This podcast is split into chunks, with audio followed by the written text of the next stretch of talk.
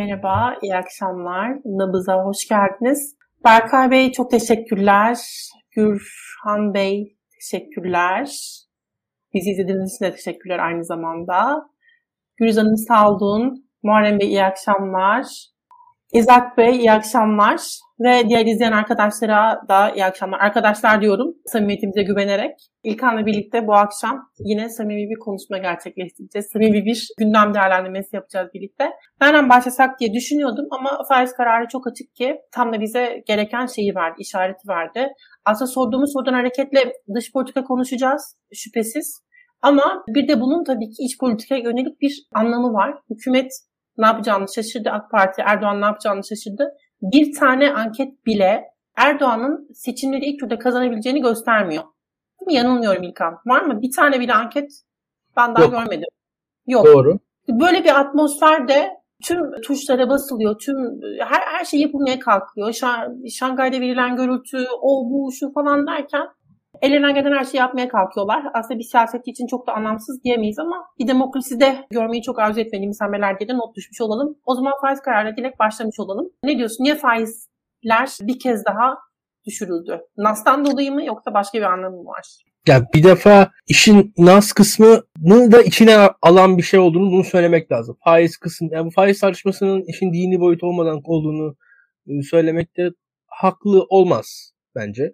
Çünkü Türkiye'de 70 yıldır siyasal İslam'ın tartışılırken faizin de kullanıldığını, konuşulduğunu ve bir anlatı olarak yerleştirildiğini söylemek gerekir. Ancak tabii ki hadise dini görüşlerden ibaret değil. Tayyip Erdoğan'ın 20 yıllık iktidarını biz tecrübe etmiş durumdayız. Bu 20 yıllık iktidarın tamamen naslarla bezendiğini de söylememiz yanlış olur. Aksine pragmatik bir iktidarla karşı karşıyayız. Şu anda da faiz konusunda hükümet şunu biliyor. Recep Tayyip Erdoğan şunu biliyor. Özellikle 2009 yerel seçimler öncesinde Hani o hatırlarsın Maya bize teğet geçti denilen yerel seçimler öncesinde Tayyip Erdoğan'ın e, aldığı kararlar vardı. O sıra Ali Babacan ekonominin başındaydı. O alınan kararlarda faizlerin arttırılması sonucunda, faizlerin arttırılması sonucunda ekonominin küçülmesi de yaşandı Türkiye'de. Ekonomi küçüldü ama kısa süre küçüldü. Arkasından hemen e, toparladı. Ciddi büyüme yaşadı ama Tayyip Erdoğan o zaman küçülmeyi ve Erdoğan kendisini çok da başarılı adettiği sıralarda oyların %39'lara kadar, %50'lerden %39'lara kadar inişi e, aklında Erdoğan'ın o zamanlardan. Bir defa ve bunu biliyor ve şunu da görüyor çok açık net. Maya bir diğer standart bilgide bugün bana sen faizleri soruyorsan Amerika'daki faiz kararlarının da alınmış olmasının etkisi var. Yani iki faiz kararının yan yana getirip bir yandan soruyorsun bana aslında. Yani hani Türkiye'deki faiz kararlarının yanında bir de Fed'in faiz kararları var. Onları da takip ediyorsun ve ikisini birden soruyorsun. Şimdi bunun Tam sonucunda... yürek aslında. Aynen öyle. Aynen öyle. Şimdi buradaki amaç şu. Faiz kararlarının ekonomi 101 etkisi e, aslında bir şekilde şu denir. Ekonomiyi bir şekilde sıcak tutmaya çalışmaktır. Yani işsizliği düşürmektir. Potansiyel işsizliği azaltmaktır. Şu an ekonomiye dair, enflasyona dair diğer bilinen şey şudur. Burada mesela faizin bize getirdiği şey ekonomik sıkılaşmadır. Yüksek faizi ister istemez. Hükümet bunu da istemiyor. Enflasyonla mücadele. Mesela Mirza orada yorum yapmış. Yaptığı yorumda şunu görüyorsunuz. Yorum doğru. E, enflasyonla mücadele sıkı, sıkıştırıcı sıkı para politikasıyla olur. Sıkı para politikası da popülerliği düşürür. Enflasyonla mücadele eden hükümetlerin popülariteleri düşer. Yani enflasyon yükseldiği zaman sizin antipatinizi arttırdığı gibi enflasyon düşerken de sizin antipatinizi arttıracak bir şeydir. Yani enflasyon iki uçlu bir şekilde sıkıntılı bir süreçtir. Hükümet de çok iyi gördüğümüz gibi enflasyon sürecinden rahatsız ve şunu biliyor. Ben bu hükümetin, mevcut hükümetin enflasyonla mücadele edeceğine inanmayanlardan birisiyim. Hep bunu söylüyorum zaten. Ve bu sürecin başından beri hep bunu söyledim. Enflasyonla mücadele etmeyecek hükümet dedim. Çünkü enflasyonla mücadele etmek demek popülaritenden vazgeçmek demektir. Veyahut da şunu söyleyebilirsiniz kredibiliteniz yüksek olur. Yani dersiniz ki işte ben İlkan Dalkuç olarak böyle iddialıyım ki bir yıl boyunca sıkıntı çekeceğiz ama en azından fiyatlar e, belli bir noktaya gelecek falan dersiniz halka. Ancak şu an hükümetin öyle bir kredisi yok. Hükümet öyle bir anlatı kuramıyor. Hükümet aksine halka bu yükü taşıtamıyor. E, ve bunun sonucunda da biz bununla karşı karşıyayız. Sık sık faiz indirimleriyle karşı karşıyayız. Bunun etkisi ne oluyor Maya? Etkisi işte kimi zaman Türkiye şartlarında en doğrusu şudur. Borçlanmaktır. Türkiye'de biz insanlara borçlanmalarını tavsiye ettik diğer yayınlarda. şu anki ekonomik ortamda ne yazık ki yapılabilecek şey o. Yani çok acı ama gerçekten de şu an Türkiye'de borçlanabilenler borçlanamayanların belli ölçüde sırtında bir ekonomik kalkınma yaşıyorlar şu an Türkiye'de. İşte kredi alıp kredi alabilenler, kredi alamayanlardan, ev alabilenler, ev alamayanlardan çok öne çıkmış durumdalar. Ama tabii ki Türkiye'nin... Hocam yaşlı genç boyutu da var ne dersin? Tabii ki yaşlı genç yani... boyutu var. Kesinlikle katılıyorum. Çok da doğru söylüyorsun. Çok da doğru söylüyorsun. Ya burada şunu söylemek lazım. Şu anki süreç aslında böyle herkes için aman aman iyi bir süreç değil ama enflasyondan kendisini nispeten koruyabilen yapılar vardır. Şimdi en rahat koruyabilen yapı şudur. Türkiye'nin en zenginleri paralarıyla rahat hareket ettirebilen insanlar. Şu anki mesela bizi izleyen insanların kaçının yurt dışında bir, bir mal varlığı var? Kaçının yurt dışında diyelim ki bir banka hesabı var? Kaçının yurt dışında bir yatırım hesabı var? diye soralım. İşte bir kısmının onun dışında bazı insanlar işte kaçı atıyorum artan paralarıyla gidip bir konut alabilirler bu sürecin başlangıcında diyelim ki. Konut fiyatları birkaç yüz bin liralardayken konut alabilen e, becerikli yatırımcılar kaç tane var aramızda? Devam edelim. Yine aynı süreçte biraz da çık daha altında ev alamayanlar, araba alanlar vesaire biz bununla karşılaştık işte. Hiçbir şey yapamayanlar kripto para borsalarına girdiler, çıktılar, baktılar, çıktılar. Yani belli bir birikimi olabilir. Borsaya girenler, çıkanlar oldu ama en sonunda sıradan vatandaşsa gitti yağ alıyor, işte peynir alıyor, nispeten zeytin alıyor. Yani en azından yağ gibi, zeytin gibi daha kalıcı olabilecek harcamalarını yaparak krize karşı olabildiğince olabildiğince duyarlı kalmaya çalışıyor. En azından savunulabilir kalmaya çalışıyor ama yani bugün Ali Babacan'ın sanırım bir açıklamasında gördüm. Yani işte 800 bin üniversite öğrencisi ÖSS'de bir yere kazanmış, 100 küsür binin kaydolmamış. Tahminim daha da büyük kısmı okula gitmeyecektir diye tahmin ediyorum. Hatta yani bu, bu Başka sayılar artık... tercih etmeyenler de var. Bunu da eklemek tabii, lazım. Tabii, tabii. Kesinlikle kesinlikle bunları göreceğiz biz. Bütün bunlarla beraber yani artık bakın burada geçen gün şeyi de konuştuk. Bir online ortamda şey düşünün. Yani kim 500 milyar ister vardı yarışması eskiden. Yani yani bir yarışmada şu an kazansanız hayatınız etkilenmeyecek neredeyse. Yani yarışmada başarılı oldunuz diyelim. Yani e, tamam buradan İzmir İstanbul seyahati falan yapabiliyorum yani. O hale gelebilir hale geldi. Veyahut da işte hani çok başarılı olursam belki Köln'e gelir seni ziyaret ederim yani. o yarışmanın şu an opsiyonu o. Yani hayatında bir reel değişiklik ihtimali yok neredeyse. İlk an vize alabilirsen bu arada. Yani bir de böyle boyutu var. Şimdi bunu bunu konuşalım istiyorum ya. Şöyle bir Nasuhi Güngör diye biri var biliyorsun. Habertürk'te falan da sıklıkla çıkıyor. Nasuhi Bey komik biri bence yani. Ben eğlenceli buluyorum onun yorumlarını. Bir defa Twitter'e şey yazmıştı. Yani muhalefet diyor öyle bir atmosfer içinde ki yeter ki Erdoğan kaybetsin de ne olursa olsun diyormuş. Bunu Hı-hı. aslında tersten söylemek lazım. Hükümet o kadar kayışı kopardı ki, o kadar gerçeklik algısını yitirdik ya da buradaki, ya Türkiye'deki insanların yaşamını, hayat kalitesini o kadar umursamıyor ki gerekirse Türkiye batsın ama Erdoğan kazansın. Ya bunun başka bir açıklaması yok. Ve aslında bu faiz kararı ile birlikte tabii ben ekonomiden çok anladığımı söyleyemeyeceğim ama hani belki senin söylediklerini bir vurgulamak için belki e bu kararla birlikte agresif büyüme amaçlanıyor benim yorumlardan okuduğum ve anlamaya çalıştığım şey. Böylelikle işsizlik oranlarının az kalması yine azalması, e, sonsuz para basmak, bir şekilde zamlarla vesaire insanlara sahte bir rahatlama hissi yaratmak, böyle de krizi sürekli ötelemeye kalkmak ama seçimlerden sonra karşımıza çıkacak çok ciddi bir borç yükü olacak falan filan böyle bir döngünün içinde devam edeceğiz belli ki. Seçimlerde kazanıp kazanamayacakları yani tabii kazanmamalarını diliyoruz ama ve anketlerde kazanmayacaklarını gösteriyor ama eğer kazanırlarsa ne olacağı da meçhul. Yani senin bunları ele aldığın bazı senaryolar var, yazdığın yazılar var bunlarla ilgili. Bilmiyorum yani Türkiye yönetilebilir olmaktan da mı çıkacak artık? Nasıl nasıl nasıl nasıl bir noktaya doğru gidiyoruz? Tabii sen benim karamsarlığımı genelde hiç paylaşmıyorsun ama sen iyimser taraftan söyle o zaman e, izleyenler de belki biraz daha pozitif hissederler. Ne dersin? Haklısın ve gel beraber düşünelim. Ben daha önceki yazılarımda, bir sene önceki yazılarımda açıkçası en karamsar noktadan şöyle söylüyordum.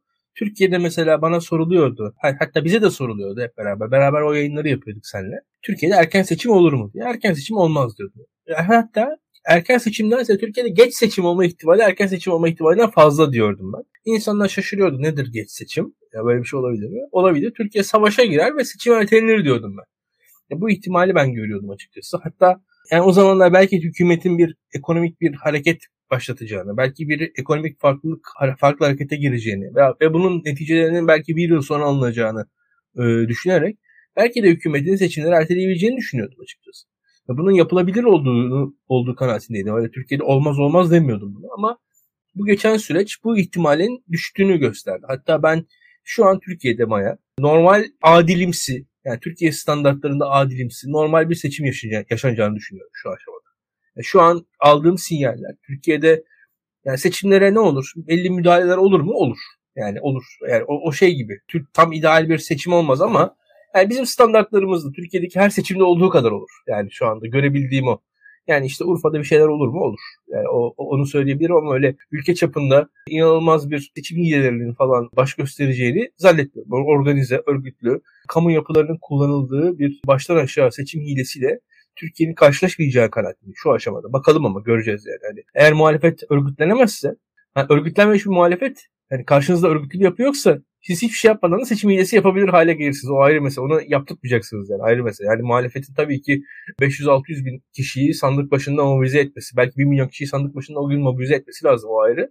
Ama onu ed- mobilize ederse evet, çözebileceği var. bir sorun. Barolar, Barolar Birliği'nin orada Şöyle değişim de aslında e, faydalı oldu belki. Belki ama şunu söyleyeyim yani mu- muhalefet yeterli mobilizasyon sağlarsa önleyebileceği bir seçim e, hilesi riski var şu anda. Ben biraz öyle söylüyorum. Devamını söyleyeyim. Devamını söyleyeyim. Şu an hükümet gerçekten de kur korumalı mevduatla, şu anki faiz kararlarıyla, verdiği kredilerle, verdiği işte şu an hatta mesela belki soracaksın TOKİ gibi e, belli şey var, opsiyonları vardı. Ucuz konut tartışması vardı. Ve bu bütün bunlarla bütün bunlarla beraber biz şeyi gördük Maya. Yani karşımızda. Karşımızda gördüğümüz yapı, karşımızda gördüğümüz hükümet sıkıntıları, zorlukları ötelemenin, bu bedelleri seçim sonrasında ödenecek şekilde gerçekleştirmeli.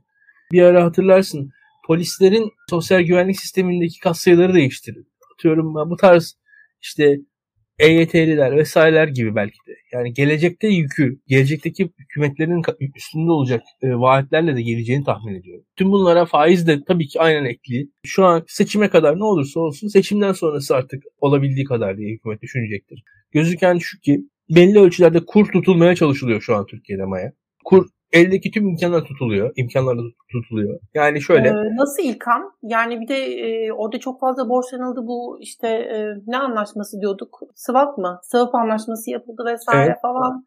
O, o da bitti galiba ya. Onun da sonu gelmedi mi? Hala mı alıyorlar, satıyorlar, ne yapıyorlarsa? Maya bir şöyle bir durum var hatırlıyorsan. Yine ortak yayınlarımızdan bir tanesinde konuştuğumuz bir konuydu bu. Türkiye ile Rusya arasındaki, Türkiye ile çeşitli körfez ülkeler arasındaki, Türkiye ile çeşitli yine otoriter ülkeler arasındaki ilişkiler çok sıkı, sıkı ilişkiler halinde şu anda. Bunu, bunu, bunu görmek, bunu bilmek lazım. Yani hükümet de o ilişkileri yani mucibince bu, bu tarz ekstradan döviz imkanlarına sahip oluyor diye düşünüyorum ben. Ve burada da belli bir noktada Türkiye'de dövizi tutuyor. Yani şu an Türkiye'de döviz pahalı mı ucuz mu? Yani şu an Türkiye'de mesela eğer, eğer hükümetin bize ilk bu hikayeyi dolar yükselmeye başladığı zamanki hikayesini anlatmaya başlarsak şu an Türkiye'de döviz ucuz. Çünkü şu an Türkiye cari açık veriyor. Yani şu an Türkiye'de cari açık var. Şimdi Türkiye'nin cari açık veremeyecek noktaya gelmesi hedefleniyordu. O noktaya Türkiye'nin gelmesini hükümetimiz kabullenir mi bilmiyorum.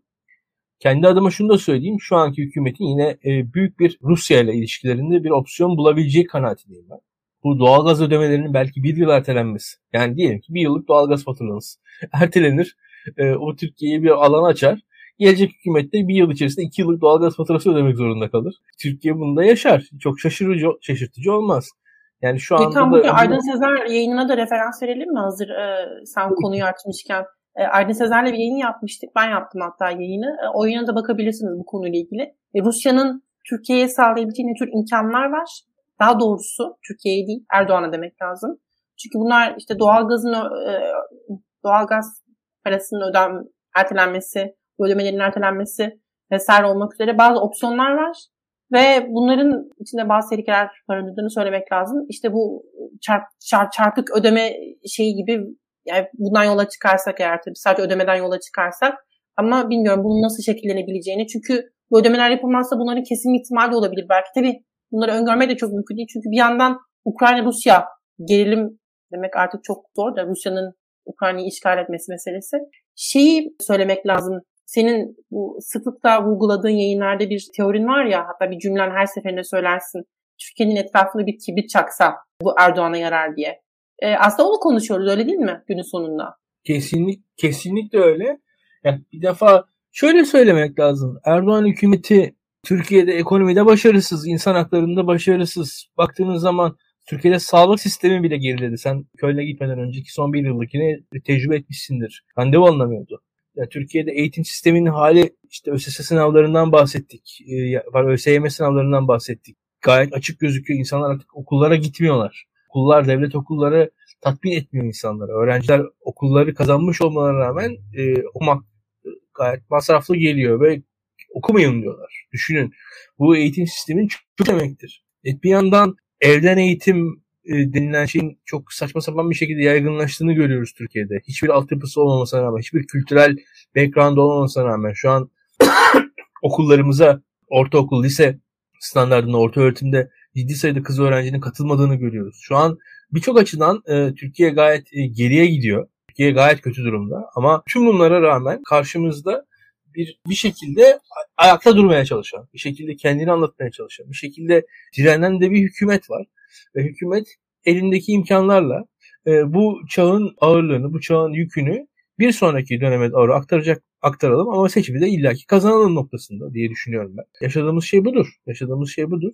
Aydın Sezer'in anlattıkları açıkçası Aydın Sezer bu konuda muhtemelen en iyi bilen kişi ve o ilişkinin boyutlarını göreceğiz. Türkiye'nin etrafında evet kibrit çakılsa hükümete yarar. Türkiye'nin etrafında evet e, iş şiddete büründüğü anda hükümete yarar. Çünkü başından beri şunu da görmek lazım.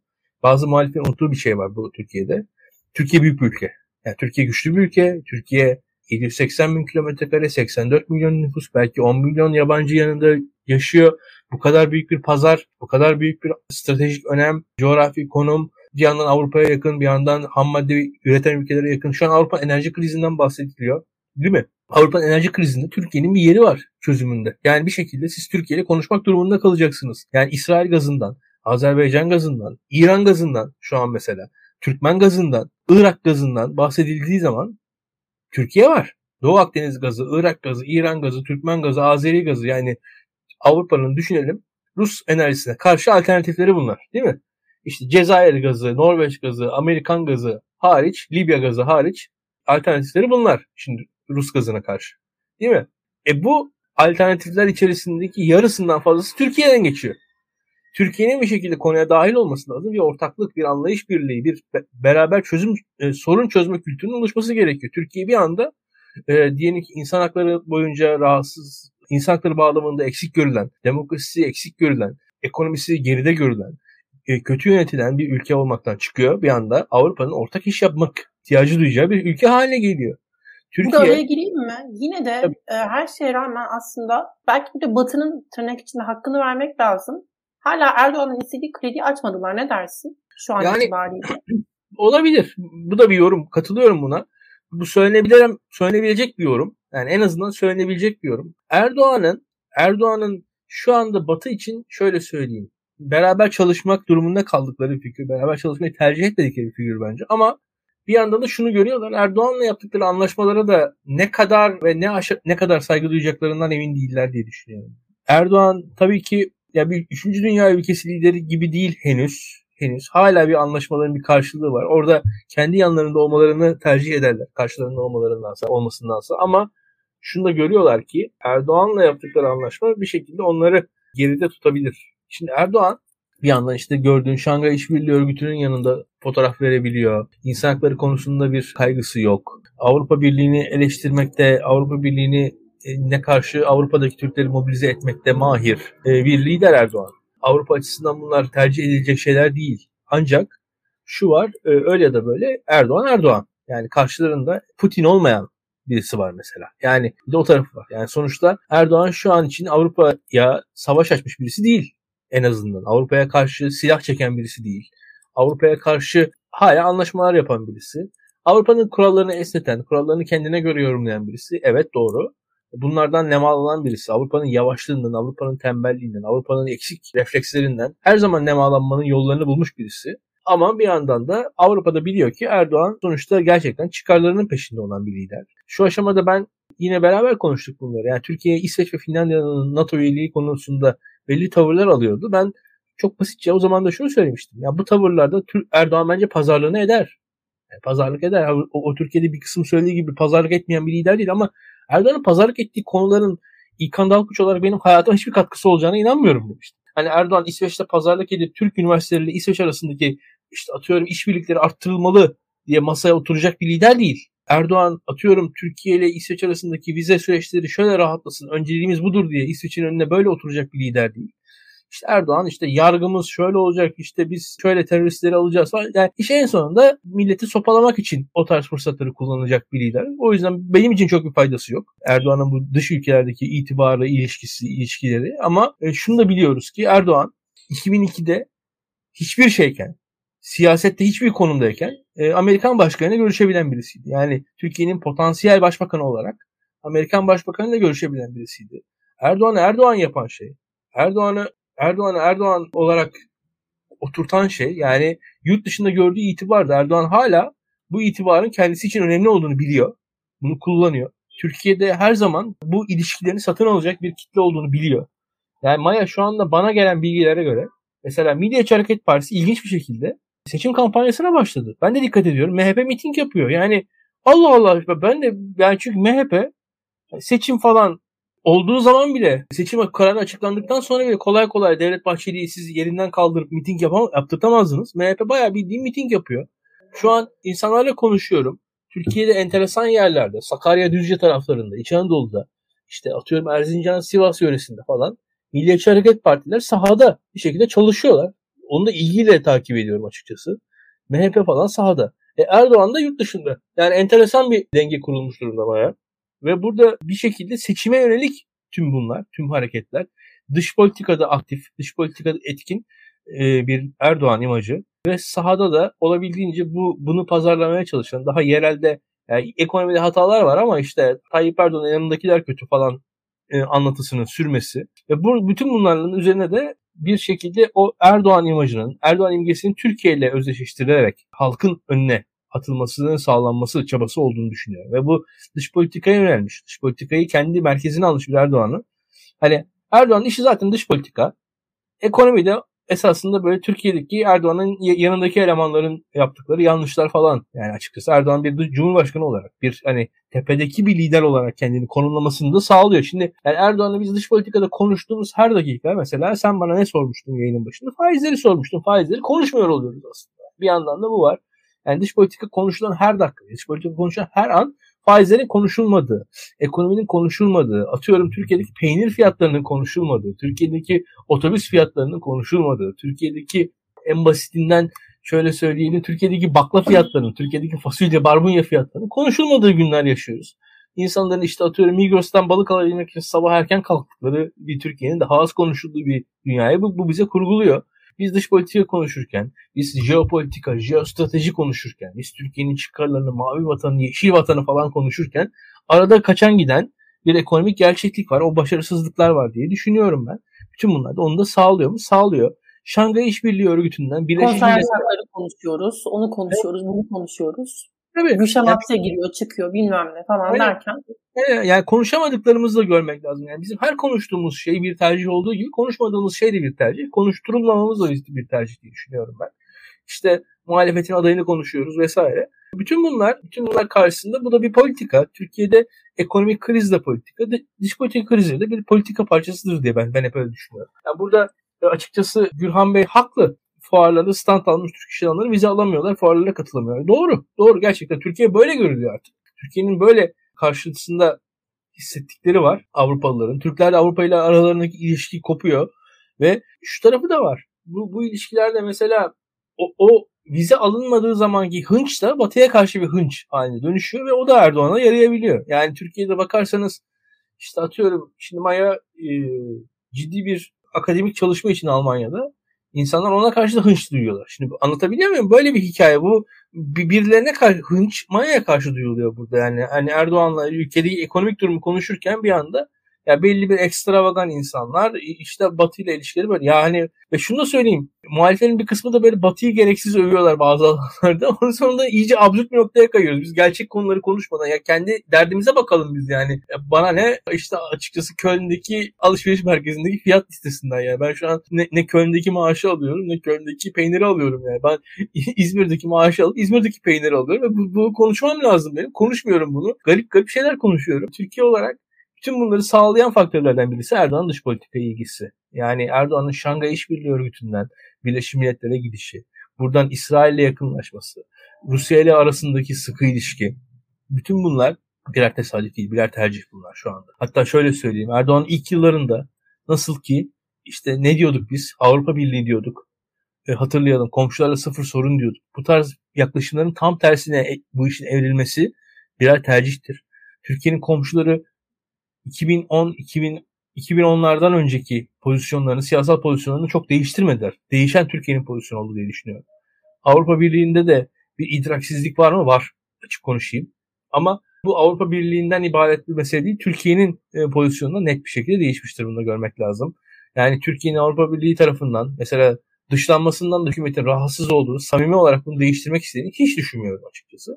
Bütün bunlar bizi hükümete böyle bir noktada yorumlamamızı sağlıyor diye düşünüyorum. Ya orada çok kilit bir şey söyledin.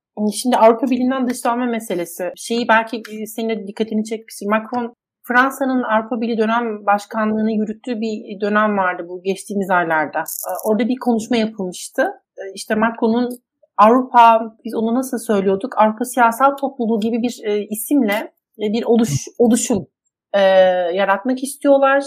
İşte bunun içinde Ukrayna'nın olması, Türkiye'nin olması, işte Gürcistan'ın olması, hem Avrupa Birliği'nin aday ülkelerin olması, hem işte Balkanların falan yani aday olmayan, henüz adaylık statüsünü kazanmayan ülkelerin de dahil olduğu ve Avrupa Birliği üyeliğine alternatif olmayan bir e, oluşum böyle bir planları var ve şimdi Prag'da bir zirve yapacaklar. Şimdi pra, e, şey geçti. Çek Cumhuriyeti'ne geçti bu dönem başkanlığı.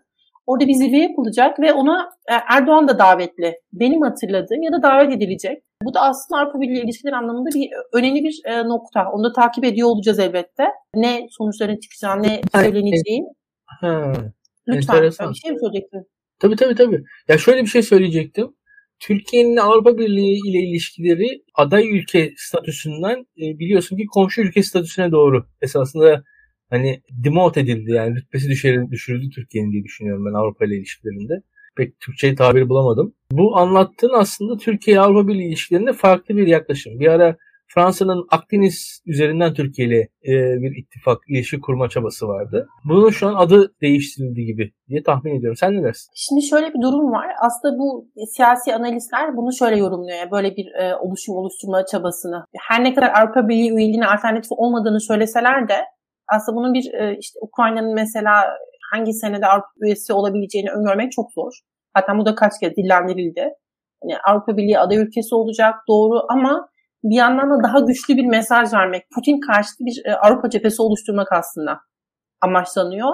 Birazcık bunun daha altına çizilmesi meselesi. Bir de şimdi Avrupa Birliği ile entegrasyon dediğimizde yani evet bir ülkenin aday olması Avrupa Birliği'ne çok önemli ve bu entegrasyonu en çok güçlendiren şeylerden bir tanesi. Çünkü biliyorsun aday ülke olduğunda bir sürü fon alıyorsun. Bu aday ülkeleri bir sürü işte yatırım için kredi veriliyor. Gerek kredi veriliyor işte gerek e, çeşitli fonlar ayrılıyor.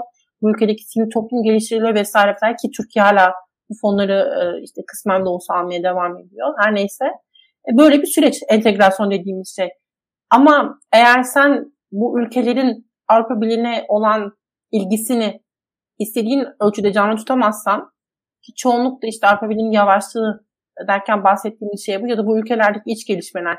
E, Türkiye'de başladığı zamanı hatırla Avrupa Birliği'ne ilişkin nasıl bir kamuoyu vardı, nasıl bir politik e, ajanda vardı, nasıl bir gündem vardı, nasıl tüm siyasetçiler buna inanılmaz konsantreydi ve şimdi ne durumdayız? Bu da tabii ki hem işte Avrupa Birliği'nin süreci yavaş gitmesinden kaynaklandığı vesaire vesaire ve bu da entegrasyonu aslında o ülkenin Avrupa Birliği'ne entegrasyonu çok zayıflatan bir şey. Aynısının tekrarlanmaması da çok önemli. Hem Batı Balkanlar'da hem Ukrayna'da ve Moldova yine aday ülke oldu biliyorsun. Gürcistan inanılmaz bir e, Avrupa Birliği kamuoyu var falan filan. Gürcistan zaten aday değil henüz Gürhan Bey ama Türkiye'nin de biliyorsun aday ülke statüsü Her ne kadar devam etse de müzakere süreci tamamen donduruldu. Müzakere süreci ilerlemiyor. Şimdi kafam öyle bir çalışıyor ki İsrail seçimleri geldi aklıma. Ee, onu not aldım. İsrail seçimleri yayını yapalım İlkan. Onu şuraya yazıyorum. Sonra sen İsveç dedin. İsveç'le ilgili ne var biliyor musun? Ee, dedin ya İsveç'te üniversite işbirliklerini falan konuşacak değil yani. Bir derdinin olduğunu falan sanmıyoruz diye. Doğru. Hatta ne oldu? İki sene önce sanırım, iki sene öncesine kadar İsveç'in bir bursu vardı. Sadece Türkiye'ye ayrılmış bir burs kategorisi. Batı Balkanlar vardı. Ayrıca Türkiye vardı. Bir de işte dünyanın geri kalanındaki ülkeler falan diye böyle ay ayırmışlar. 13 öğrenciye burs veriyorlardı. İki sene tam burs. Öğrenci geliyor kalıyor falan işte aylık bin euro cebine koyuyorlar. Onun işte kron karşılığı neyse. Ve bu burs sanırım ya iki sene önce ya bir sene önce kaldırıldı. Aslında bu bursun ortaya konulması da yine bu ülkelerin Avrupa Birliği'ne entegrasyonu meselesi. Çünkü İsveç bu bursla şeyi hedefliyordu. Yani bu öğrencileri biz alalım, burada yüksek lisans eğitimi yapsınlar ve ülkelerine döndüklerinde, ülkelerine döndüklerinde bir Avrupa Birliği perspektifine sahip olarak kendi ülkelerinde gerek siyasete işte gerek sosyal bilimlere katkı sağlasınlar. Çünkü burs sadece sosyal bilimler alanında veriliyordu. Tabii bu burs oradan kaldırıldı ama hükümete tabii ki böyle bir derdi olmadığı için işte vize konusunda böyle bir derdi yok. Ama şu da önemli. Mülük Çavuşoğlu e, geçen gün Bayablok'la görüştü. Alman Dışişleri Bakanı'yla New York'ta bu Birleşmiş Milletler e, görüşmeleri şeydeki Birleşmiş Milletler e, zirvesi kapsamında ve Çavuşoğlu'nun tweetinde şey yazıyor. Vizeyi de konuştuk yazıyor. Bir politik işte bu anlatıda ufak bir değişim var belli ki.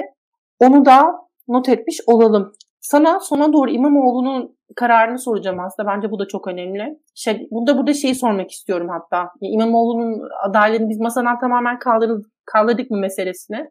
Aday olmayacak mı artık meselesini? Ama e, Şangay Şangay dedik. Başta artık konuşmamak olmaz. Biraz konuşalım. Hatta ben bunu çok basit bir şekilde sormak istiyorum sana. Şimdi dış politika bilmeyen biriyim. Evde oturup televizyon izliyorum ve ülkemin cumhurbaşkanı gitmiş. Başka liderlerle bir araya gelmiş. Bu başka liderler inanılmaz doğal kaynaklara falan sahip ülkeler, ülkelerin liderleri e, oturuyor, kalkıyor falan, sohbet ediyor. E ne var? Yani bu ülkelerle biz daha yakın ilişkiler kursak, bunların işbirliği teşkilatına dahil olsak İlkan, belki işte doğal kaynakları daha ucuza elde ediyor olsak ne zararı var? Çok basit. Açıklasana bize yani neden neden bu problem mesela? Şimdi birkaç şey birden sordun. Ben ama aklımda tuttum bunların hepsini hepsini cevaplayacağım. Bir defa Avrupa Birliği'nin kimliği, Avrupa Birliği'nin sınırları Avrupa Birliği kadar eski bir sorun. Ve bu sorunun en büyük taşıyıcısı Fransa.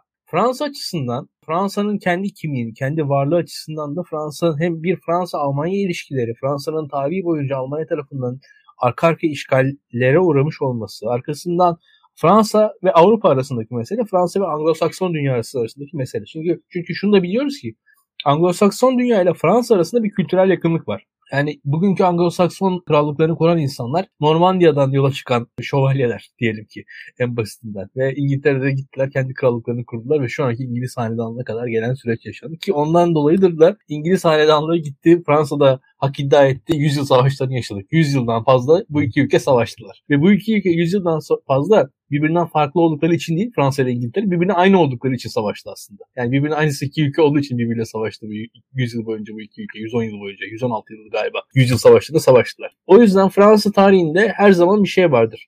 İngiltere'ye yakınlaşma, Almanya'ya yakınlaşma bu gel git. Avrupa daha kıta Avrupalı olma, daha Atlantikli olma e, boyutu vardır Fransa'da. Hatta şu denir. Jean d'Arc biliyorsun işte büyük bir anti İngiliz karakterdir Fransız tarihinde. Jean d'Arc hakkında bazen şey denir işte büyük bir yalancıydı diye bir haber çıkar. O sırada Fransa daha İngiltere'ye yakındır. Jean d'Arc hakkında neredeyse bir azizedir diye bir haber çıkar. O zamanlar Fransa İngiltere arası çok kötüdür. Jean d'Arc'ın Fransa'daki popülerliğiyle Fransız-İngiliz ilişkilerini falan ölçebilirsiniz derlerdi eskiden. Arkasından Fransa devam etti. Avrupa Birliği büyürken mesela Avusturya'nın Avrupa Birliği'ne girmesine, Avusturya Avrupa Birliği üyesi olmasına Fransa'dan çok büyük itirazlar gelmişti. Senin muhtemelen hatırlamayacağın zamanlarda. Avusturya'nın Şöyle ki kuruluşu 2. Dünya Savaşı sonrasında Birleşmiş Milletler e, yapılarının olduğu, Uluslararası Atom Enerjisi Komisyonu'nun olduğu vesaire Avusturya iki blok arasında, Doğu ve Batı arasında tarafsız bir ülke olarak kuruldu. Şu anki Avusturya'nın anayasasında bir tarafsızlık şeyi vardır, klozu vardır ve o yüzden de Fransa tarafsız bir ülkenin Avrupa Birliği'ne girmesinin Avrupa Birliği dengelerini bozacağını hatta Almanya'nın Avusturya ile beraber Fransa karşısında bir fazla bir ağırlık yaratacağından bile korkuyordu zamanında ve Fransa itiraz etse de tabii bir noktada kabullenmek zorunda kaldı Avusturya'yı. Avusturya'nın bir Avrupa ülkesi olduğu açık yani bunu reddedemedi. Ama bu, bu bile tartışılmıştı yani Avusturya'nın üyeliği bile. Ki İngiltere'nin üyeliğini zaten Fransa tartışmıştı. Bunu, bunu biliyorsun e, o süreçlerin İngiliz, İngiltere'nin Avrupa Birliği üyeliğini. Zaten sonra İngiltere kendi çıktı. Bu yüzden Fransa açısından her Avrupa Birliği'ne giren ülke Fransa'nın Avrupa Birliği'ndeki ağırlığını azaltan, Fransa'nın Avrupa Birliği'ndeki gücünü belki seyrelten bir yapı olarak gözüküyor. Fransa kendisini bir şekilde Latin dünyasının, Akdeniz dünyasının öncüsü bir ülke olarak da görebiliyor. Atlantik İttifakı'nın parçası İngiltere, Amerika, Anglo-Sakson dünyasına yakın bir ülke olarak da görebiliyor. Kıta Avrupa'sının işte bir öncüsü, belki o Napolyon'un büyük kara ordusunun mirasçısı bir ülke olarak da görebiliyor. Fransa biraz böyle bir ülke.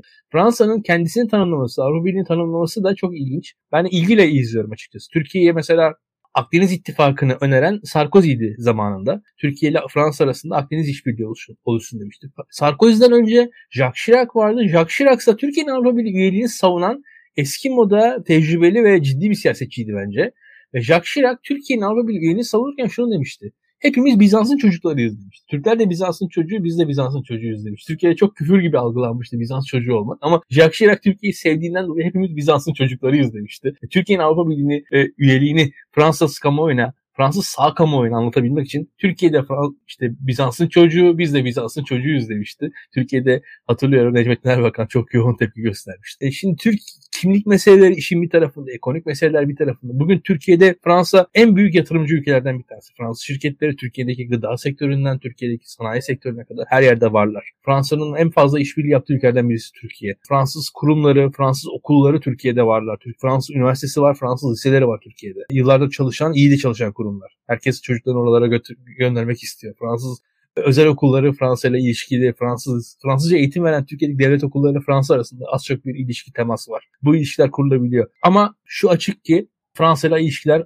ideal durumda değil. Türkiye'nin stratejik büyümesiyle Fransa'nın stratejik büyümesi arasında belli e, çelişkiler de olduğu açık. Türkiye ile Fransa birçok işbirliği yapabilecekleri birçok alanda o yüzden henüz daha işbirliklerini büyütemiyorlar. Bu işler askeri alanlara, büyük, yüksek teknoloji alanlara giremiyor diye düşünüyorum ben. Putin'in Ukrayna işgali neticesinde stratejik olarak yapı değişti. Burada yeni bir dünya yeni bir Avrupa tasarlanması durumu ortaya çıktı. Fransa bu konuda eski küçük ittifak, Regional Entente derler. İki dünya savaşı arasında. Fransa, Polonya ve Romanya arasında kurulmuş bir ittifaktır bu maya. Özellikle Rusya karşıtı bir ittifaktır. O eski ittifak günlerin zamanındaki bir öncü Fransa'yı Fransa belki de kurguluyor ki şu an Amerika'nın dünyadaki tek global güç olmasının sının sonrasındaki çoklu sistemde Fransa kendisine bir rol biçiyor ki gerçekten bu rol var. Afrika'da, Avrupa'nın doğusunda Amerika kadar güçlü olmayan orta boy ve orta boyun üzerinde güçlü. Fransa gibi, Japonya gibi ülkelerin, Brezilya gibi ülkelerin aslında Hindistan gibi ülkelerin rollerinin arttığı. Yani dünyanın diyelim ki en güçlü işte ilk 10 ülkesinin kendi alanlarında daha askeri olarak da kendi güçlerini sergiledikleri bir dünyaya karşı, karşı karşıyayız. Fransa burada kendine bir rol biçiyor. Burada Türkiye'ye de bir rol var aslında ama bu rolde hangisi en sağlıklısı olacak emin değilim. Türkiye ile Avrupa Birliği arasında bir vizyona ihtiyaç var diye düşünüyorum. Türkiye evet adaylık perspektifi hep var ama bu belki de adaylık yeniden tanımlanmalı. Bunu bir tarafa söyleme, söylemem lazım. Bunu bir tarafa tekrar konuşmam lazım. Bir adaylık nedir? Ne olabilir? Türkiye neyi değiştirebilir? Biz bugün vize alamıyoruz. Yani e, insanlar bildiğin yani cebine eurosunu koyup Fransa'da gezemiyorlar bile. Biz Avrupa Birlik'ten falan bahsediyoruz. Bir tarafta vizesiz dolaşımdan bahsederken hiç vize alamamaya döndük. E tamam şöyle arası... söyleyelim mi? Yani bu geçtiğimiz günlerde biliyorsun işte Rusya ile Rusya Rus vatandaşlarının vize alıp alamayacağı meselesiyle ilgili çok fazla şey konuşuldu. Halbuki olan şeyin Rusya ile vize kolaylığı anlaşmasının iptali olduğu biraz detaylı okuyanlar ya, fark etti. Bayağı. Bu ne demek? Bu bir hakaret değil mi? Yani şunu sormak Tabii. istiyorum. Birisi Türkiye, Avrupa Birliği'nin aday ülke, böyle bir anlaşma kesinlikle yok zaten. Diğer ülke yani neredeyse Avrupa Birliği ile savaşta diyebileceğimiz türden bir ülkeden bahsediyoruz. Vize kolaylığı meselesi. Yani Rusya'nın böyle bir vize anlaşması var e, Avrupa Birliği ve bu anlaşma daha geçtiğimiz günlerde iptal edildi. Bu kolaylık ortadan kaldırılmış oldu böylelikle ve Türkiye ile ancak böyle eşitlendi. Artık hani bilmiyorum nasıl tarif edilir, nasıl anlatılır. Normal demokratik bir kamuoyunda, bir basında ya bunu bunu günlerce konuşmak gerekir. Bu nasıl bir Tabii. ulusal bir aşağılamadır ya? Yani bunu ya, e, başka devamını mümkün mü? Pandemi zamanında hatırlarsın işte sınırlar kapatıldı haberleri sık sık yapılırdı. Ya o kapatılan sınırlar zaten Türkiye'nin mevcut sınır durumuna geldiği anda sınırlar kapatıldı deniyordu. Yani biz bir defa Avrupa Birliği'ndeki kapalı sınırların birçoğu zaten Türkiye'nin hani mevcut hali. Türkiye'de zaten bizde zaten durum buydu. Hani burada orada önlem diye anlatılan şey durumun Türkiye noktasına getirilmiş olması oluyor genelde daha zaten. Kesinlikle haklısın. Kesinlikle haklısın. Şu an çok, çok kötü durumdayız. Baştan aşağı bir büyük bir sıkıntı içerisindeyiz. Bunun umarım bir orta noktaya en azından varır. Çünkü real durumla konuşulanlar arasında dehşetli çelişkiler var. Yani real olarak insanlar hareket edemiyorlar, vize alamıyorlar, hiçbir şey yapamıyorlar ama bir yandan da serbest dolaşıp konuşuluyor. Ben bana yani küfür gibi geliyor bunlar. Karşımızdakiler nelerden bahsediyor, insan neler yaşıyorlar. Yani benim yakın e, dostlarım işte atıyorum işte bir festival için yani Avrupa'ya giderken gayet emin değil. Yani işte atıyorum Frankfurt Kitap Fuarı biliyorsun işte dünya çapında bir organizasyon. Benim yayın evi sahibi arkadaşlarım var ve oraya gitmeye çalışıyorlar. Ve bana diyorlar ki böyle yayın evi olan birisi. Yani Türkiye'de sonuçta en fukara insanlardan birisi de değil. Tabii ki yayın evi olduğu için çok da zengin de sayılmaz ama neticede yayın evi sahibi olan birisi. İşte onlarca kitap basmış birisi. Frankfurt Kitap Fuarı'na gidecek misin? Gideceğim ama emin değilim. Bize çıkar mı? Çıkmaz mı? Yani bu, bu çelişkileri yaşıyoruz. Komik böyle bir çelişki. Yani Frankfurt Kitap Fuarı'na gidip gitmemesi vizeye bağlı olan başka bir insan grubu yok dünyada. bu e, neredeyse piyango çeker gibi. Veyahut da bir iş gezisi için Almanya'nın en büyük şirketlerinden bir tanesinin Türkiye'deki yatırımında önemli pozisyonda çalışan bir arkadaşım daha vardı. O da aynı şekilde ya, muhtemelen bir iş seyahati için bana söylediler. Vizem çıkarsa ben gideceğim. Vizesi, vizem çıkması vizesi çıkan gidecek şirkette falan. Hani insanlar böyle bakıyorlar. Komik bir durum yani. Bu, bu, bu hakikaten düşünün yani şirkette artık kimin vizesi çıkarsa, çaycının vizesi çıkarsa çaycı gidecek. Çöpçünün vizesi çıkarsa çöpçü gidecek. Bekçinin vizesi çıkarsa bekçi gidecek artık. O hale gelmiştir. Çünkü yani belki de şeydir. Hani bu, bu arkadaşlardan bir tanesinin annesi Bulgar vatandaşı falandır. O yüzden belki onlara çıkabilir yani. Hakikaten bu noktaya geldik ve insanlar herkes, herkes kendini şöyle tartışıyor. Ya diyorlar ki işte mesela başvuru Yunanistan'dan yap. Yunanistan'dan Yunanistan'a gir. Yunanistan, Atina'dan uç Avrupa Birliği'ne ve çıkışı da Yunanistan üzerinden yap falan. Ya bunlar tartışılıyor mesela. İşte atıyorum daha önce gittiğin Avrupa Birliği ülkesinden vizeyi al. Yani daha önce diyelim 2-3 defa Çek Cumhuriyeti'ne gitmişsin. Oradan vizeyi al daha rahat alırsın. Oraya, or, oraya başvur. Burada herkes artık her, nasıl cambazlık yapacağını bilmiyor. Diyelim ki hani bir şekilde işi Almanya'da yani çıktı. Almanya'ya vize almaktansa vize başvurusta bulunmaktansa git Yunanistan'dan daha önce 5 defa işte Sakız Adası'na tatile çıktığın için Yunanistan'dan başvur. ya insanlar bunların hesaplarını yapıyorlar. İnsanlar bunların sorularını soruyorlar. Vahim görüyorum açık konuşayım. Vahim bir, görüyorum. Bir sene, bir sene önce Daktilo'da Berlin duvarına başlarken bir dış politika yayını yapalım diye konuştuğumuzda ben sana Berlin Duvarı ismiyle geldiğimde aslında anlatmaya çalıştığım şey çokça buydu. Ya Berlin Duvarı niye inşa edildi? Doğu Almanya'daki insanlar ne yapıyorlardı? Nereye gidebiliyorlardı ya da gidemiyorlardı? Ülke kocaman bir hapishane gibi miydi? Ulaşabildikleri ürünler sınırlı, hayat koşulları berbat, başka bir ülkeye gitme şansları yok. Her taraf çevrili, açık hava hapishanesi gibi bir şey aslında. E, Türkiye'de aslında Erdoğan hükümetinin dönüştürdüğü şeyin farksız olduğunu düşünüyorum. Ve bu da tabii ki dış politika hamlelerinin, iç politika bilmiyorum artık tüm tüm politik düzleme baktığımızda bu sonucun teker teker adım adım inşa edildiğini görüyoruz. Başka da bir şey değil aslında. Şangay'a geçelim mi? Yoksa bir şeyler daha söyleyecek Kesinlikle hatta şöyle söyleyeyim sana. Öyle bir durumdayız ki Türkiye'de ekonomik krizde e, Türkiye'nin bu eko- uluslararası aşağılanmaları da iktidarın parçası. Hatta politikaların parçası. Bundan itiraz ettiğin zaman da şımarık olarak algılanıyorsun. Bundan itiraz ettiğin zaman da ekstravagan olarak algılanıyorsun. Bundan itiraz ettiğin zaman da Türkiye'yi beğenmeyen, Türkiye'ye belki tepeden bakan insan olarak algılanabiliyorsun. Yani sonuçta bu itirazların bile şöyle söyleyeyim. itirazların içerisinde mesela senin üslubundan bir noktayı seçip o noktaya odaklanıp aa Türkiye'ye bunları mı söylüyorsun? Kendini mi hakaret ediyorsun? Onu söyleyebiliyor insanlar. O yüzden kolay değil. Hakikaten kolay değil durumumuz. Yani bir yandan bunlara dikkat ediyoruz. Bir yandan ya ülkemiz tabii ki yani e, buna bir e, dengede tutmaya çalışıyoruz. Zor durumlar. Zor durumlar. Katılıyorum. Şangay'a geçiyor musun? Konuşalım. Yani Şangay şöyle söyleyeyim. Şangay'dan ben...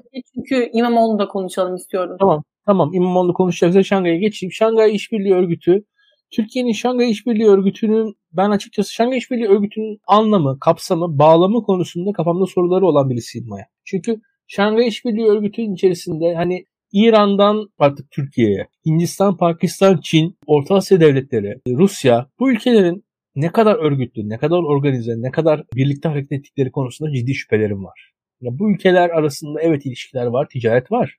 Ancak bunun siyasal anlamı ne kadar var? Pek emin değilim. Yani Hindistan'la Çin arasındaki ilişkilerde. Hindistan evet Çin'e Çin'e rakip olmaya devam edecektir. Hindistan evet Pakistan'a rakip olmaya devam edecektir. Hindistan'ın 30 yıldır 3. dünyacılıktan vazgeçtiğini hatırlamak gerekir. Hindistan 3. dünyacı politikalar sonucunda çok şey kaybettiğini düşünen bir ülke. Hint, Hint dış politikası 30 yıldır realist çizgide ve şöyle noktalamaya Batı'yla da olabildiğince yani mesela şöyle dikkat et.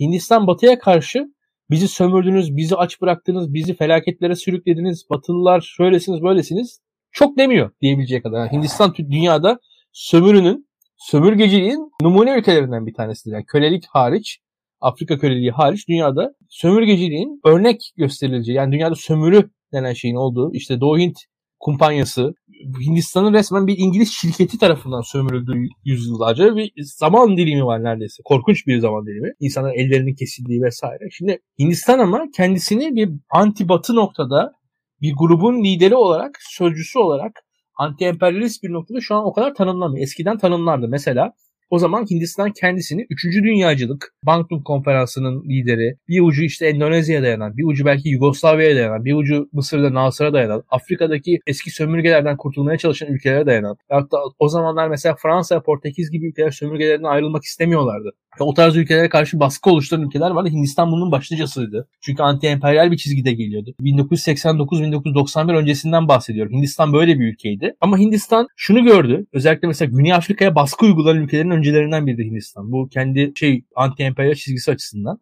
Ama Hindistan şunu gördü bu politikasından. Mesela hatta bizim Kıbrıs Rum kesimiyle bile yakındı Hindistan. Hindistan bu politikasının sonucunda şunu gördü. Çok da fazla bir şey elde edemiyor. Yani kendisinin itibarını ülke olarak bir yere koyuyor ama Hindistan bu Üçüncü dünyacı yaklaşımından çok fazla bir şey elde edemediğini gördü dış politikada. En sonunda Pakistan'la karşı karşıya kaldığı zaman yani gene üçüncü dünyacı olarak onun yanında olan Mısır Pakistan'ın yanında yer aldığını gördü. Hindistan atıyorum Çin'le karşı karşıya geldiği zaman onun Afrika'da bağımsızlığını desteklediği Afrikalı ülkelerin Çin'le yan yana geldiklerini gördü. Yani Hindistan kendi e, üçüncü dünya dış politikasını kendisi açısından bir e, uzun vadeli çıkar e, getirmediğini gördü ve daha realist bir çizgi, ideolojik çizgiden daha realist bir çizgiye geldi. Son 30 yıldır Hindistan'da bunun bu, bu dönüşüm değişim var. Hindistan daha fazla çıkarcı bir ülke haline geldi dönüşü diyebilirim. Bu bağlamda da mesela Afrika e, pardon Asya içerisinde bir ortak ittifak sistematiği zor kurulur. Bir defa bunu görmek lazım. Tabii ki Asya ülkeleri çok büyük ülkeler. En küçük Asya ülkesinde hani Vietnam'dan bahsediyoruz. 100 milyondan fazla nüfusu olan bir ülke. Yani şu anda hiç kimse Türkiye'de ortaya sokağa çıkın sor. Hatta bizim izleyicilerimize soralım. Vietnam'ın nüfusunun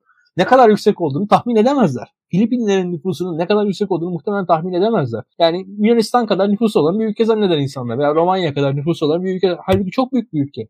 Yani Vietnam'la Filipinlerin nüfusu neredeyse Avrupa Birliği'nin yarısı kadar değil, Avrupa Birliği kadar belki çok nüfusu var bu ülkelerin. Büyük ülkeler bunlar. Hani orada Hindistan gibi, Japonya gibi, Çin gibi görülmemelerine rağmen çok ciddi nüfusları o ülkeler çok büyük. O yüzden çok büyük ekonomiler bunlar. Genç ekonomiler. Orada oralarda büyük bir pazar var. Buralar tabii ki önemli.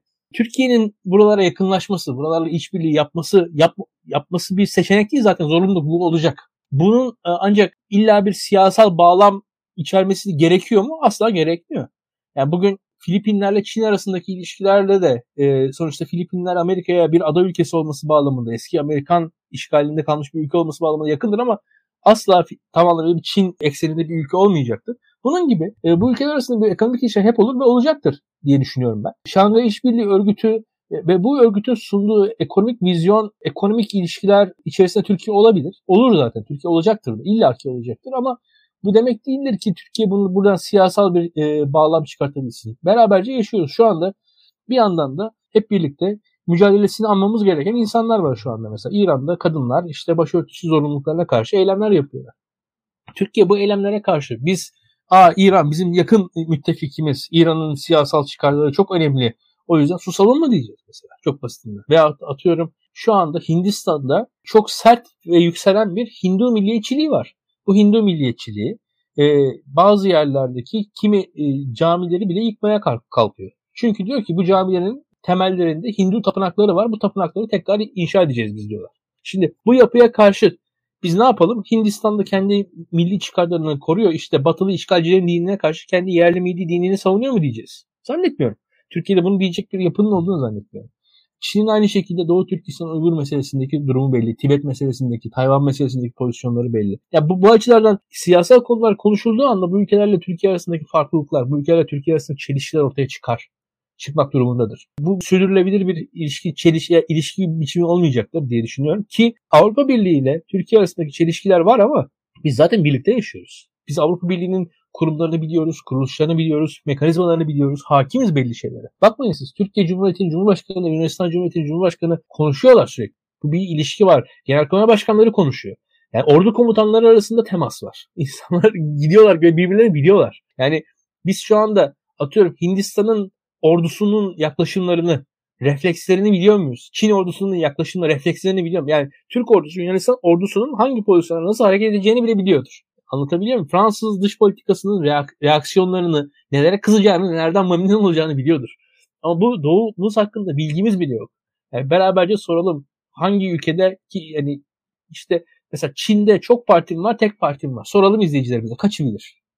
Şu anda Hindistan'daki iktidarda olan partinin adını kaç kişi bilir? Yani biraz şeyden ukalalık için de söylemiyorum. Hayatımızın bir parçası değil buralar. Yani bu başka bir dünya orası diye düşünüyorum. Ve siyasal olarak da e, oraları en çok destekleyen insanlar, desteklediklerini söyleyen hani Avrasyacı, muhafazakar, dindar çizgide olan veyahut da daha milliyetçi çizgide olan insanların bile kolay kolay yan yana duramayacakları yerlerin çokları. Bakmayın siz. Yani orada bir gün Kazakistan'da insanlar ayaklandıkları zaman Türk, Türk milliyetçileri ne yapacaklarını şaşırdılar. Yani e, bir anda kimin yanında olacağız? işte Amerikan ajanları mı diyeceğiz? Şimdi yani bir anda kalı kalı kalı veriyoruz. Yani orada bir o ilişki kolay kurulabilir bir ilişki değil. Türkiye'nin doğuya dönmesi şöyle söyleyeyim. Yani biraz da bu toplum bin yıllık bir tercih yaptı. Öyle ya da böyle Malazgirt'ten beri. Gerçekten de batıya doğru yürüyor. Ve Osmanlı ilişkilerine bakalım. Osmanlı'nın kurduğu dünyaya bakalım. İşte Osmanlı'nın işte atıyorum e, yolladığı büyük elçilere bakalım. Bakalım. yaptığı ticarete bakalım. E, bunun Avrupa ile olduğunu, Avrupa'nın ana eksen olduğunu göreceğiz.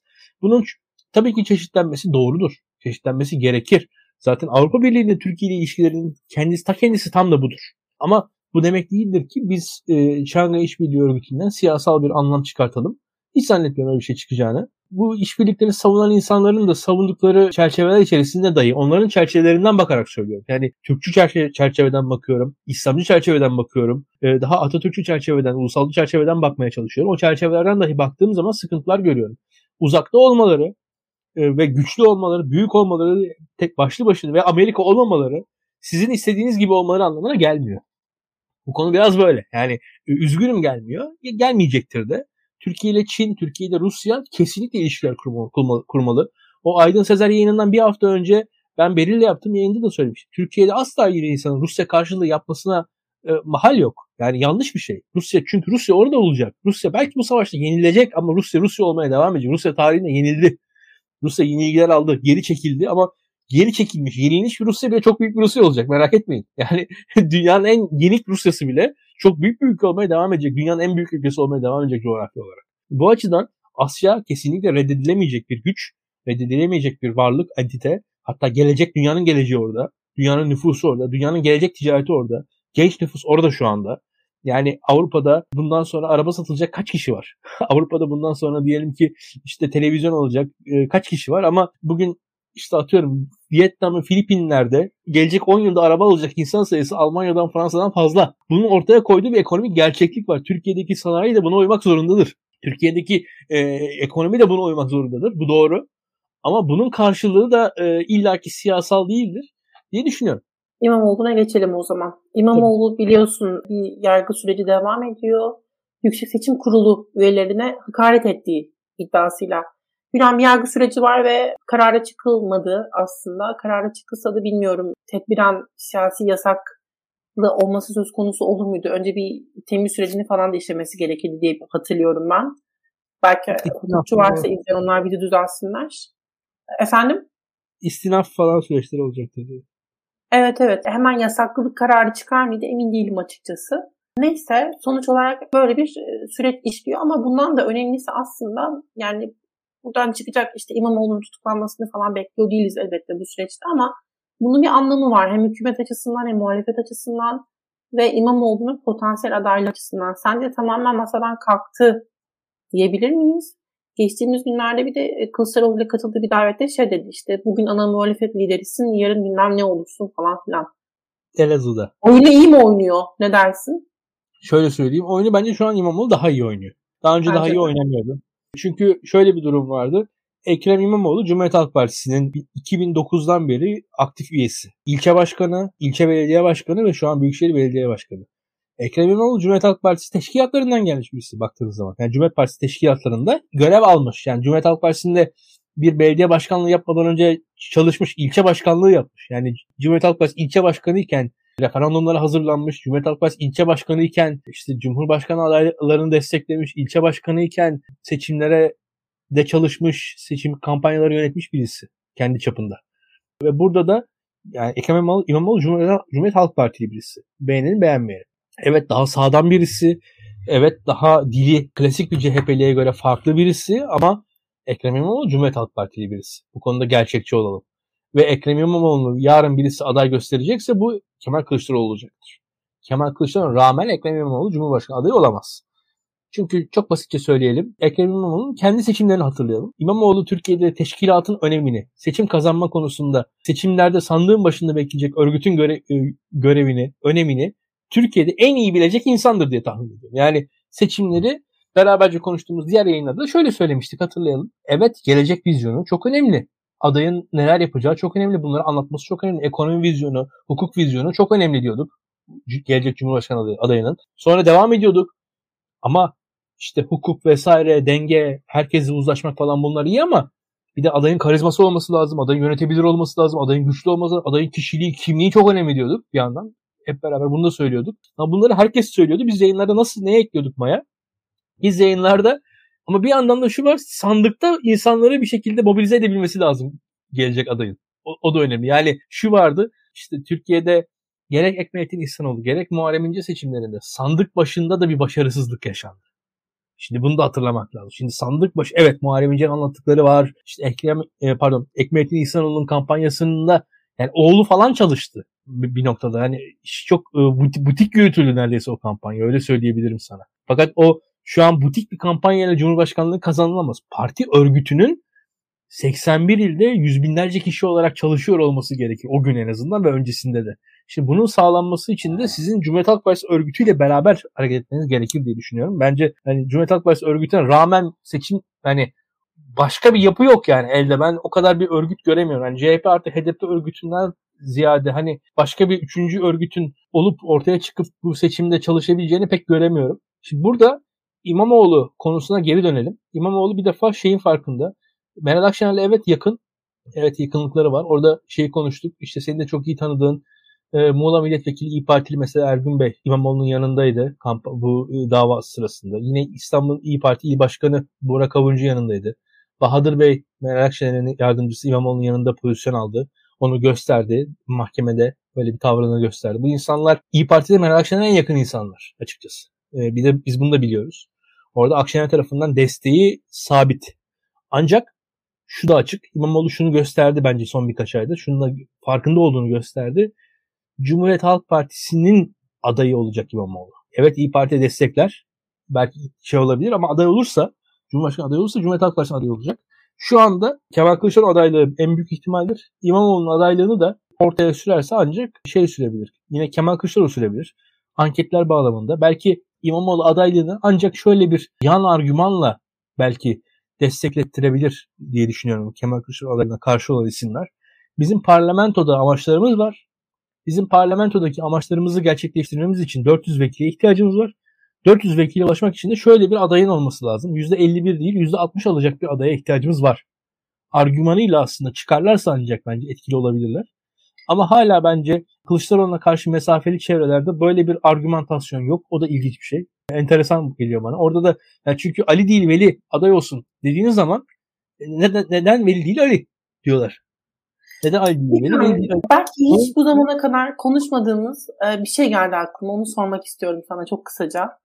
CHP'de Kılıçdaroğlu'nun adaylığını engelleyebilecek bir klik ya da bir yapılanma ya da yok, yok. değil mi şu an? Gerçekten yok, yok. yok. Şimdi öyle iki türlü yok. Bir defa yani şurada şey İmamoğlu'nun yerine koyup oyun kurmayı düşünüyorum kendime tamam mı? Yani Yok yok öyle bir şey olamaz. Şimdi birincisi Kemal Kılıçdaroğlu Cumhuriyet Halk Partisi Genel Başkanı ve doğal aday. Yani ana muhalefet partisinin genel başkanı ol, olan bir insan adaydır. Yani bu aday olmaması anormal bir şeydir. Bunu koyalım. Bunu siz klik olarak engelleme... düşününce. E tamam işte o zamankiler anormaldi. Şu anki normal. Yani bakarsan. Şu anki durum normal. E devam edeyim. Cumhuriyet Halk Partisi Genel Başkanı aday olması bir defa normal bir şey yani. Şimdi hiç kendimizi kandırmayalım. Onun arkasından Cumhuriyet Halk Partisi içerisinde diyelim işte yani ben Kılıçdaroğlu'cuyum sen kliksin. Sen klik olarak bakıyorsun Kılıçdaroğlu anti Kılıçdaroğlu bir yapısın böyle. Geçen seçim inceye vermişsin falan böyle. Orada muhalifsin Kılıçdaroğlu. E dersin ki Kılıçdaroğlu aday olsun da görelim boyunu dersin yani bir yandan o tarafı var. yani orada da o tarafı var. Yani orada Kılıçdaroğlu, Cumhuriyet Halk Partisi Kılıçdaroğlu muhalifler açısından da şu an Kılıçdaroğlu adaylığını desteklemek Hayır, en doğrusu. Şöyle şöyle düşün. Yani oyunu İmamoğlu kuracak. Hayır, Ve şeyi o... hatırla. Hani hatırlıyorsun işte Baykal Kılıçdaroğlu, Baykal istifa etti. Kılıçdaroğlu aday olmayacağım dedi CHP Genel Başkanlığı evet.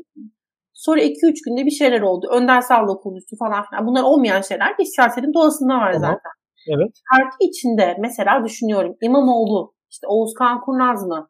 İşte artık e, Özkan mı? E, Salıcı pardon. Kurnaz ne ya? Salıcı. E, şey e, ya da işte kimdi? Kimi söylüyorduk? Özgür Özel. Özkan. Özgür Özel. Neyse. Ya bunlar eğer belli güçleri varsa bir şekilde. Bu isimleri ikna etse sonra bu isimler Kılıçdaroğlu'nu ne bileyim yumuşak çok da senaryo yazdım şimdi de Neyse konuşmayalım. Ya, o, o, olası değil bunlar. Yani Hı. hani iki türlü mantık açısından olası değil. Yani Kılıçdaroğlu diyelim Cumhuriyet Halk Partisi içerisindeki düşmanısın. Adaylığını Hı. engellemen genel başkanlığını almıyor adamın elinden. O zaman daha da genel başkan olmuyor. Cumhuriyet Halk Partisi içindeki clean de Kılıçdaroğlu'na karşı çıkmasının manası yok. Yani o açıdan yani şu an Cumhuriyet Halk Partisi içerisinde Kılıçdaroğlu adaylığına karşı çıkmanın bir Cumhuriyet Halk Partili olarak hiçbir rasyoneli yok senin açından. Yani hani Hı. mantıken... Ve çok maliyetli değil mi? Yani gelenek olarak yani partinin genel başkanı niye aday olmasın diyeceksin. O zaman sen niye o partidesin diye sorarlar sana. Kazanamayacak yani, diye diyemez miyim? Ha, şimdi şöyle kazanamayacak diyeyi onu Kılıçdaroğlu'nun söylemesi lazım. Onu o derse o zaman gerçekçi olur. Yani o bu bu hakikaten manasız görüyorum yani bu bu CHP içerisinde niye bu, bu o zannedilen bölünme yok şu anda. Ben şunu söyleyebilirim.